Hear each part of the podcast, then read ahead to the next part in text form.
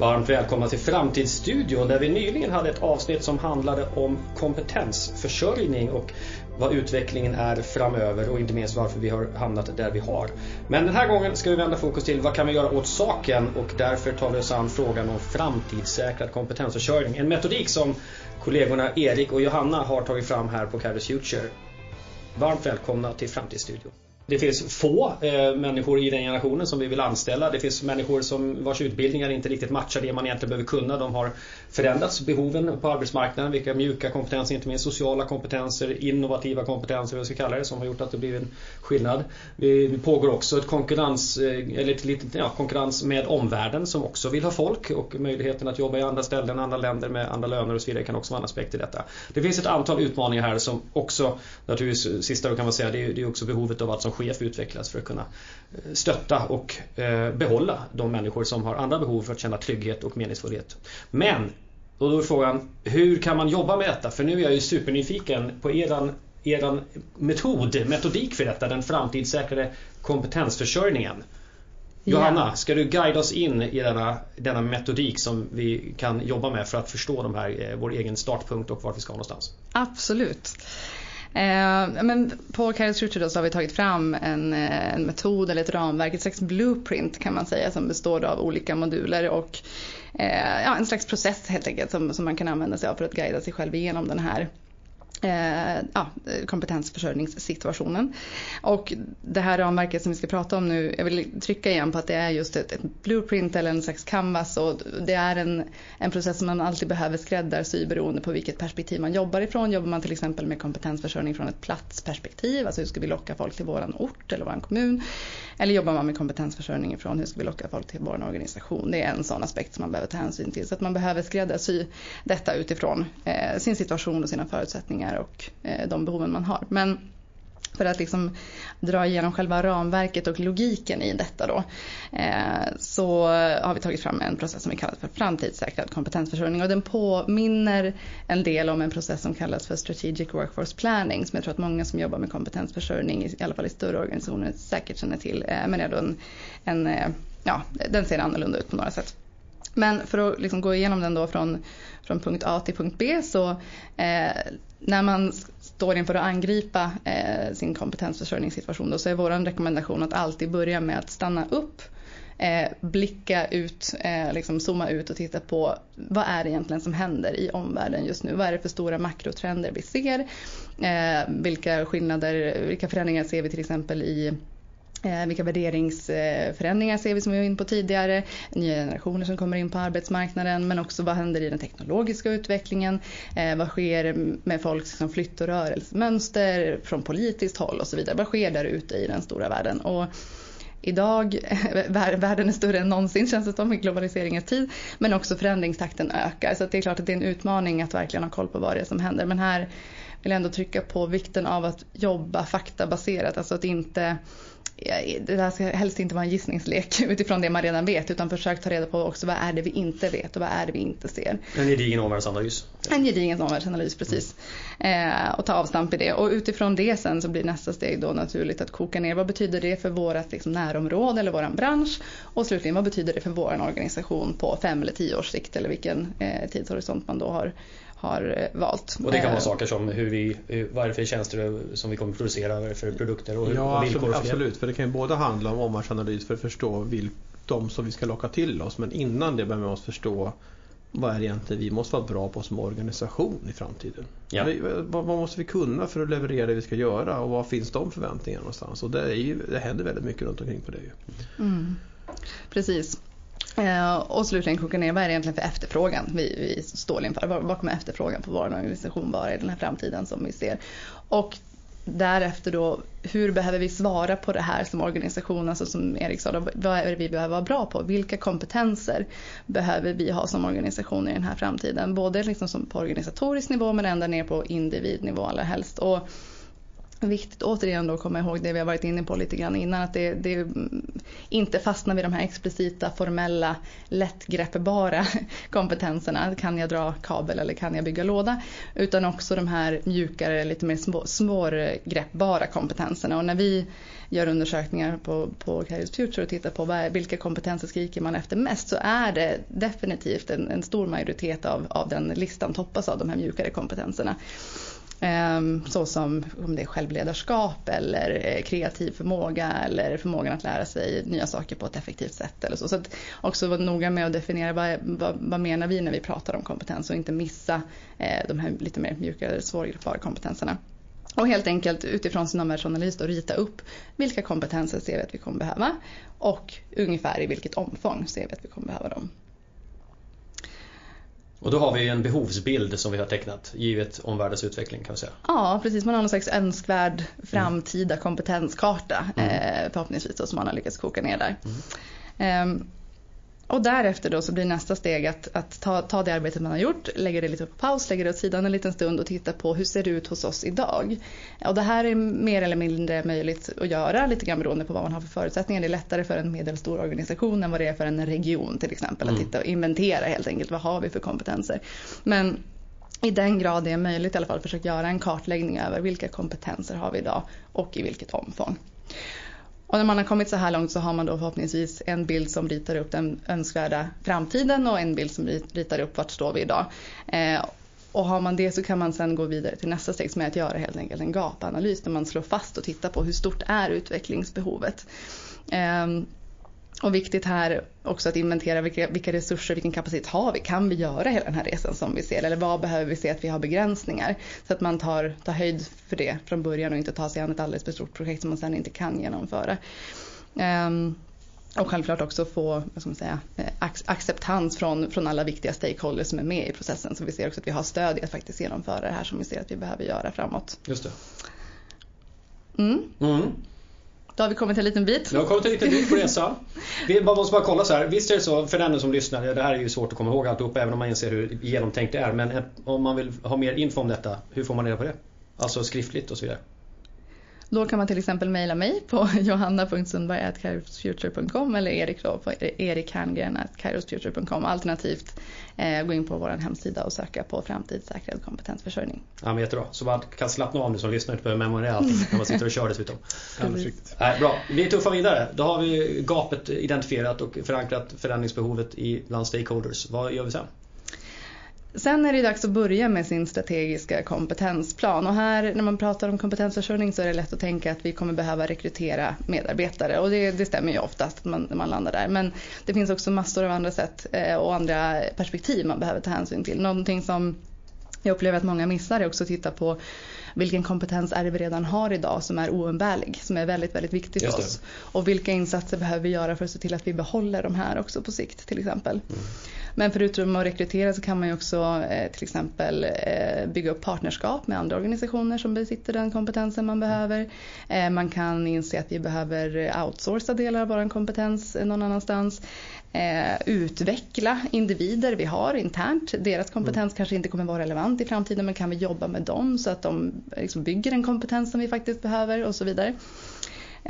så det finns mycket, mycket i det och många som kommer till den här punkten inser att här behöver man ta, ofta ta någon slags eh, ett helhetsgrepp liksom över hela organisationen. Eh, har man till exempel landat i att vi behöver vi har gjort, gjort en omvärldsanalys och vi ser att vi måste stärka vår innovationsförmåga till exempel. Eh, då behöver man kanske hitta individer som är bra på att vara kreativa, våga göra misstag, som behärskar agila arbetssätt till exempel.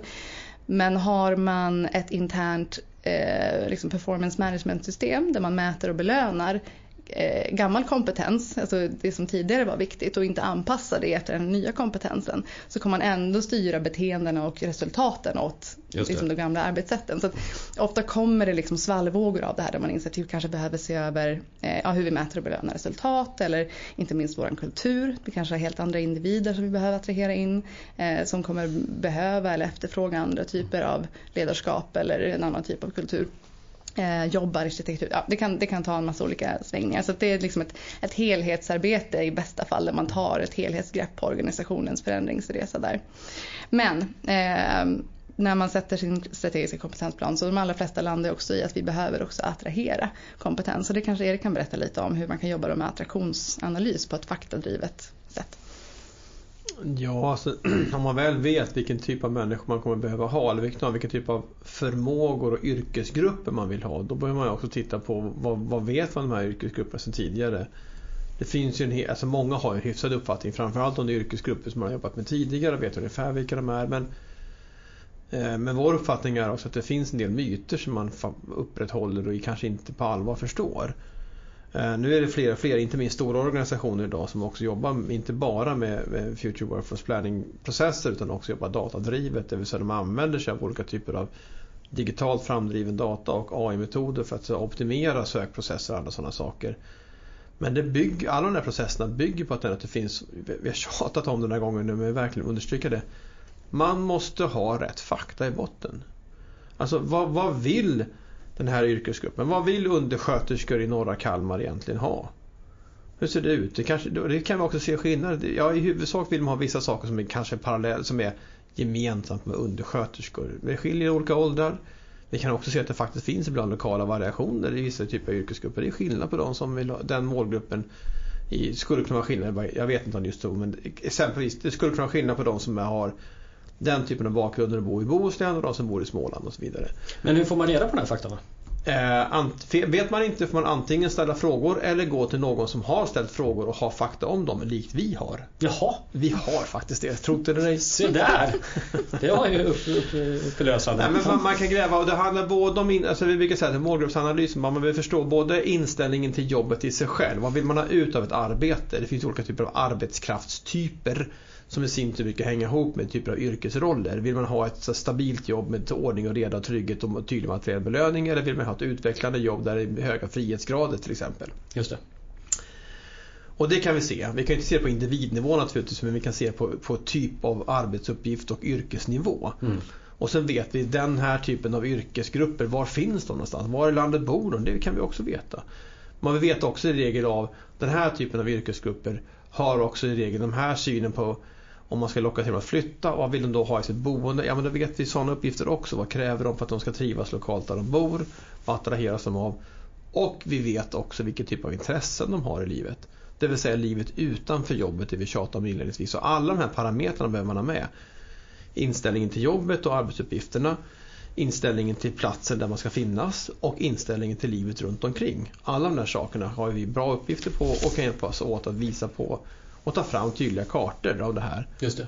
Och vill man se ett exempel på en sån så finns det faktiskt det i prospektet för framtidssäkra kompetensförsörjning. Det finns en yes. bild på en ja, Vi har jobbat till exempel uppe i Nordmalings kommun på gränslandet mellan Västerbotten och Ångermanland. Och att hjälpa dem att, till exempel en yrkesgrupp de behövde ha lokalt i näringslivet, inte bara en arbetsgivare utan många arbetsgivare tillsammans insåg att vi behöver ha processoperatör eller processkompetens. Vad är processoperatör för något? Ja, men som, som jobbar i industrin och driver industriella alltså, som sitter och hanterar industrimaskiner på olika sätt. Robotar och annat. Robotarna är inte alltid självgående i sig själva. De behöver också någon människa framför roboten. Så att säga. Ett tag till. Ett tag till. Ja, men det kommer behövas alltid. Så, mm.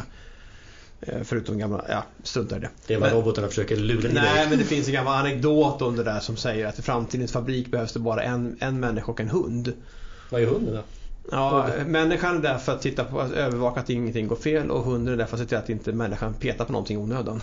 På maskin i onödan. Och förstör alltihopa. True story. Ja. Det här är inte fakta underbyggt. Nej, nej, det här är bara en gammal skröna och anekdot om framtidens arbetsliv. Men alltså ha, ha den tydliga faktan om vad som kommer krävas och vilket just våra målgrupper, vad vill de egentligen ha i generella termer. Och då är det mycket, mycket större chans att hitta rätt. Och sen kan man använda optimeringarna förstå. Men för att göra det här, hur kan vi då skruva på den här platsannonsen för att locka till oss just dem? Vilka kanaler kan vi i huvudsak gå på? Vilken typ av sociala medier ska vi locka till oss? här med, är det här en yrkesgrupp man når via LinkedIn eller är det bättre att gå dem på TikTok? Mm. Mm. Alltså, de, den typen av aspekter behöver man också förstå. Mm. För att vissa, vissa yrkesgrupper är inte på LinkedIn. Nej, och ett annat bra exempel eh, på det här. Eh, vi, eh, Kairos Trutter då hjälpte besöksnäringen i en viss region då i Sverige här förra året. Med, man hade ja, stora utmaningar inom besöksnäringen att attrahera rätt kompetens framförallt till restaurangbranschen men också andra delar. Och där stod man inför en, en rad utmaningar. Dels är det en, en bransch som är väldigt säsongsbetonad. Eh, och man upplevde, ja, man landade i helt enkelt att vi behöver rekrytera, vi behöver framförallt fokusera på målgruppen som är då generation Z som vi nämnde tidigare, alltså de som är födda ungefär 1995 till 2005. Och eh, branschens upplevelse var att eh, liksom, ungdomar i vårt närområde vill inte jobba. Det spelar ingen roll. Vi kan liksom, erbjuda vilken lön som helst verkar det som. Och vi kämpade på liksom, att erbjuda sociala sammanhang runt jobbet och andra typer av arbetstider och arbetsuppgifter och liksom, stod och kliade sig i huvudet och så här, varför vill de inte jobba? Eh, och eh, då gick vi in och, och gjorde en ordentlig attraktionsanalys och tittade på vad är det egentligen som är viktigt för just den här målgruppen. Och det visade sig vara då inte främst lön, inte främst sociala sammanhang, eh, utan bekvämlighet var det som var viktigt för den här gruppen. Alltså man vill ha en bekväm tillvaro runt jobbet. Så det man gjorde då var att man stoppade in insatser runt, till exempel så började man skicka ut skyttelbussar så att man såg till att man fick transport till och från jobbet. Man ordnade också med boende så att ungdomar som valde att komma dit över säsongen hade någonstans att bo. Eh, I vissa fall erbjöd man måltider och så vidare. Och så skruvade man på sina, sina platsannonser och sina jobbannonser också liksom tryckte på det att här kommer du få en bekväm och smidig tillvaro. I princip vi kommer att curla dig och göra allting väldigt lätt och smidigt dig. Med mycket stor framgång ska sägas också, ja, inte bara den säsongen. Utan jättebra. Kul att få personen lockas ju inte vara chef i det sammanhanget. Nej, men som ledare för det är jättetrevligt. Ja, men jag tycker det är intressant faktiskt. För en del äldre rynkar på näsan. Vad är det för bortskämda ungar? Apropå det vi började med att prata om. Ja. Men å andra sidan kan man säga att ja, men om det här är det som krävs för att få, vad är, vad är det värt för dig som arbetsgivare att få ha en bra kompetensförsörjning? Vad är omvänt, vad är kostnaden för att inte få tag på det här? Då kanske man får svälja vissa förtreter och acceptera små merkostnader. Det är därför det finns uttryck som race to the bottom. Yes. ja, Nej, men alltså, att lösa de här typen av så säga, kringsammanhang då, det kostar lite pengar naturligtvis men, men alternativkostnad att inte ta på folk alls eller att jobba jättemycket på att vad, det, vad kostar att rekrytera och inte mm. lyckas. Mm. Nej, jag tänker själv på, på också uppfattning man kan ha om målgrupper. Jag eh, mötte en västsvensk kommun som sa att vi kan inte få våra medarbetare i, i omsorgen att uh, vara med på heltid. De, vill hellre, de vet att de har så mycket pass de kan välja varje vecka så de är helt fria. De kan bara säga idag, den här veckan är jag lust att jobba fem dagar eller tre dagar. Så jag vill inte binda upp mig med ett avtal fast det kanske finns en idé i samhället om att just vård och omsorg så vill fler jobba heltid. Det är många som lider av deltid. Men det var inte deras realitet där. Så det är också en viktig sak att förstå. Mm.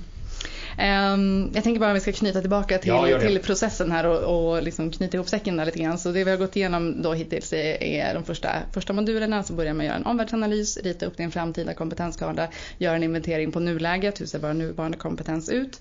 Därefter gör en gapanalys och titta på utvecklingsbehovet, hur ser resan ut framåt? Sätt en strategisk kompetensplan med allt vad det innebär för just er situation och era förutsättningar i er organisation eller region eller kommun eller vad det handlar om. Eh, och där man ser ett behov av, av att rekrytera, att göra en gedigen eh, attraktionsanalys och verkligen igen utgå ifrån fakta även här. Eh, precis som i, i omvärldsanalysen. Och slutligen då Eh, sista steget blir att, att, implementera sin plan. Alltså nu, nu ska vi get to action. Men också här finns det väldigt många liksom, grundpelare som man behöver ta hänsyn till. Alltså, eh, till exempel vem ska ha vilken roll i det här? Eh, vart ligger ägarskapet någonstans?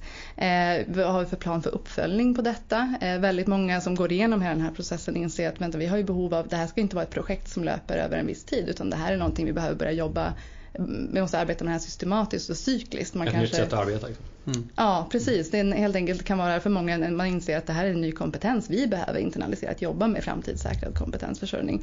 Och eh, liksom ett behov av att återbesöka sin omvärldsanalys regelbundet, minst en gång per år skulle jag säga, med tanke på hur, hur snabbt saker och ting utvecklas nu. Den omvärldsanalys man gjorde förra hösten är kanske inte relevant längre.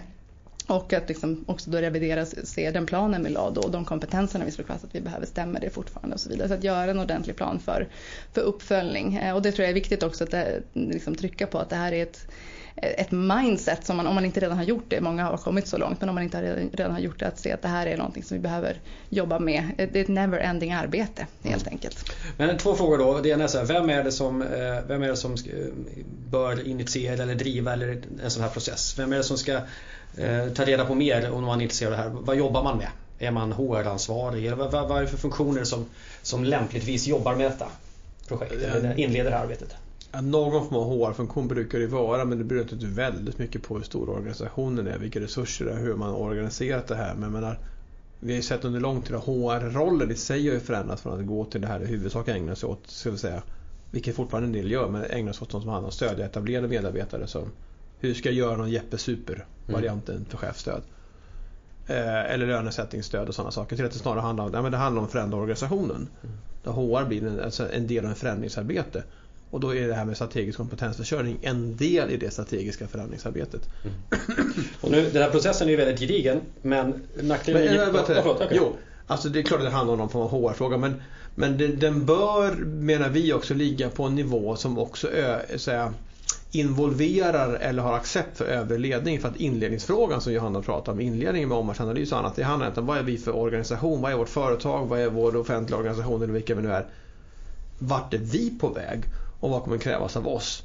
Och det blir, om den inte förankrar hos övre ledning, utan HR kommer med ett eget svar, det finns också risk att det stöter på patrull sen. Mm, mm. Alltså måste det hänga ihop med hela affärsplanen och verksamhetsplanen. Alltså den långsiktiga strategiska planeringen måste vävas in i det här på tydligt Ska man göra hela resan så låter det som att man ska tänka eh, bred förändringsledning i allmänhet. Alltså, samma, ja, samma ja, det hänger ihop med det. Men, men också, precis då, för det här är inte någonting man administrerar fram. Man processar fram någonting med hjälp av ett antal hållpunkter på vägen. Apropå mm. det här man ser det här som en, en blueprint snarare än som en exakt, eller så inte som en ritning men följer manual slaviskt punkt till punkt. Det kan man göra men det blir i regel bättre om man har som ett, som ett förhållningssätt med ett antal grundläggande parametrar och en ordning man går framåt i mm. på vägen. Och då behöver det inte vara HR, det kan vara andra roller också. Utan, utan det handlar snarare om att ta in de funktioner internt som har ett strategiskt ansvar. Mm. Behöver vara involverade i den här processen. Mm. Och då tänker jag det är en gedigen process och gedigna processen, eh, nackdelen kan ju vara att de känns väldigt, väldigt stora. Och är man inte så jättestor organisation så är det ju variation på start, var vi startar någonstans. Kan man plocka russinen ur kakan eller hur gör man om man redan har en strategi för det här men inte har gått alla de här stegen? Hur kan man förhålla sig då? Ja, vi erbjuder till exempel också att, att har man kommit en bit på vägen i sitt strategiska kompetensförsörjningsarbete så erbjuder vi också att gå in och göra det vi kallar för vindtunneltest eh, av, av nuvarande kompetensstrategiarbete. Det kan, vara, det kan vara ett sätt att vända sig till oss, givetvis. Eh, men, eh, men som vi var inne på innan, det är ett blueprint och det ska betraktas så. Man behöver utgå ifrån de resurser och den kapacitet man har. Eh, en del väljer ju bara att, att, eh, till exempel om man nu, apropå att plocka russinen ur kakan, kanske man ser att oj, vi behöver verkligen stärka vår kompetens runt, eller hur vi jobbar med attraktionsanalys. Att, att börja arbeta mer faktadrivet runt de målgrupperna vi ser att vi behöver till exempel. Eh, Eh, jag skulle säga, men jag tycker inte det handlar om russinen i kakan för det låter som att man plockar bort det tråkiga. Jag tycker snarare det handlar om att men var står vi? Vet vi eller har vi behov av att se på och ompröva hela organisationens kompetens? Tycker man inte att man behöver utan vår utmaning är att hitta rätt folk nu. är det som vi behöver i närtid. Ja, men gå direkt på målgruppsanalysen och attraktionsanalysen då. Sen får man ta de andra stegen längre fram kanske. Och i, som alltid så kan man naturligtvis i alla steg göra det med jättehöga ambitioner eller måttliga ambitioner och tänka att this is good enough, 80-20-regeln och tuta på den och då kommer man snabbare framåt och det kan även mindre organisationer göra.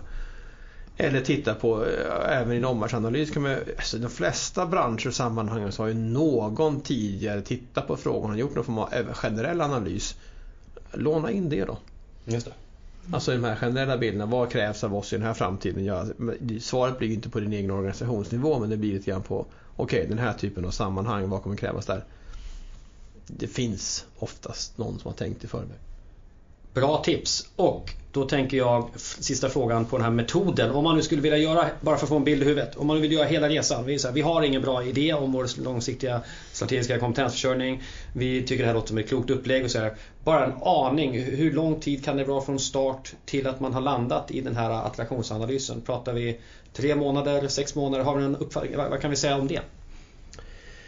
Jag skulle säga att det handlar rätt mycket om hur mycket av involvering på bredden i organisationen man behöver göra och hur många människor och verksamheter och avdelningar som behöver bli involverade. Men, men det här kan man göra på en månad eller man kan göra på fem månader.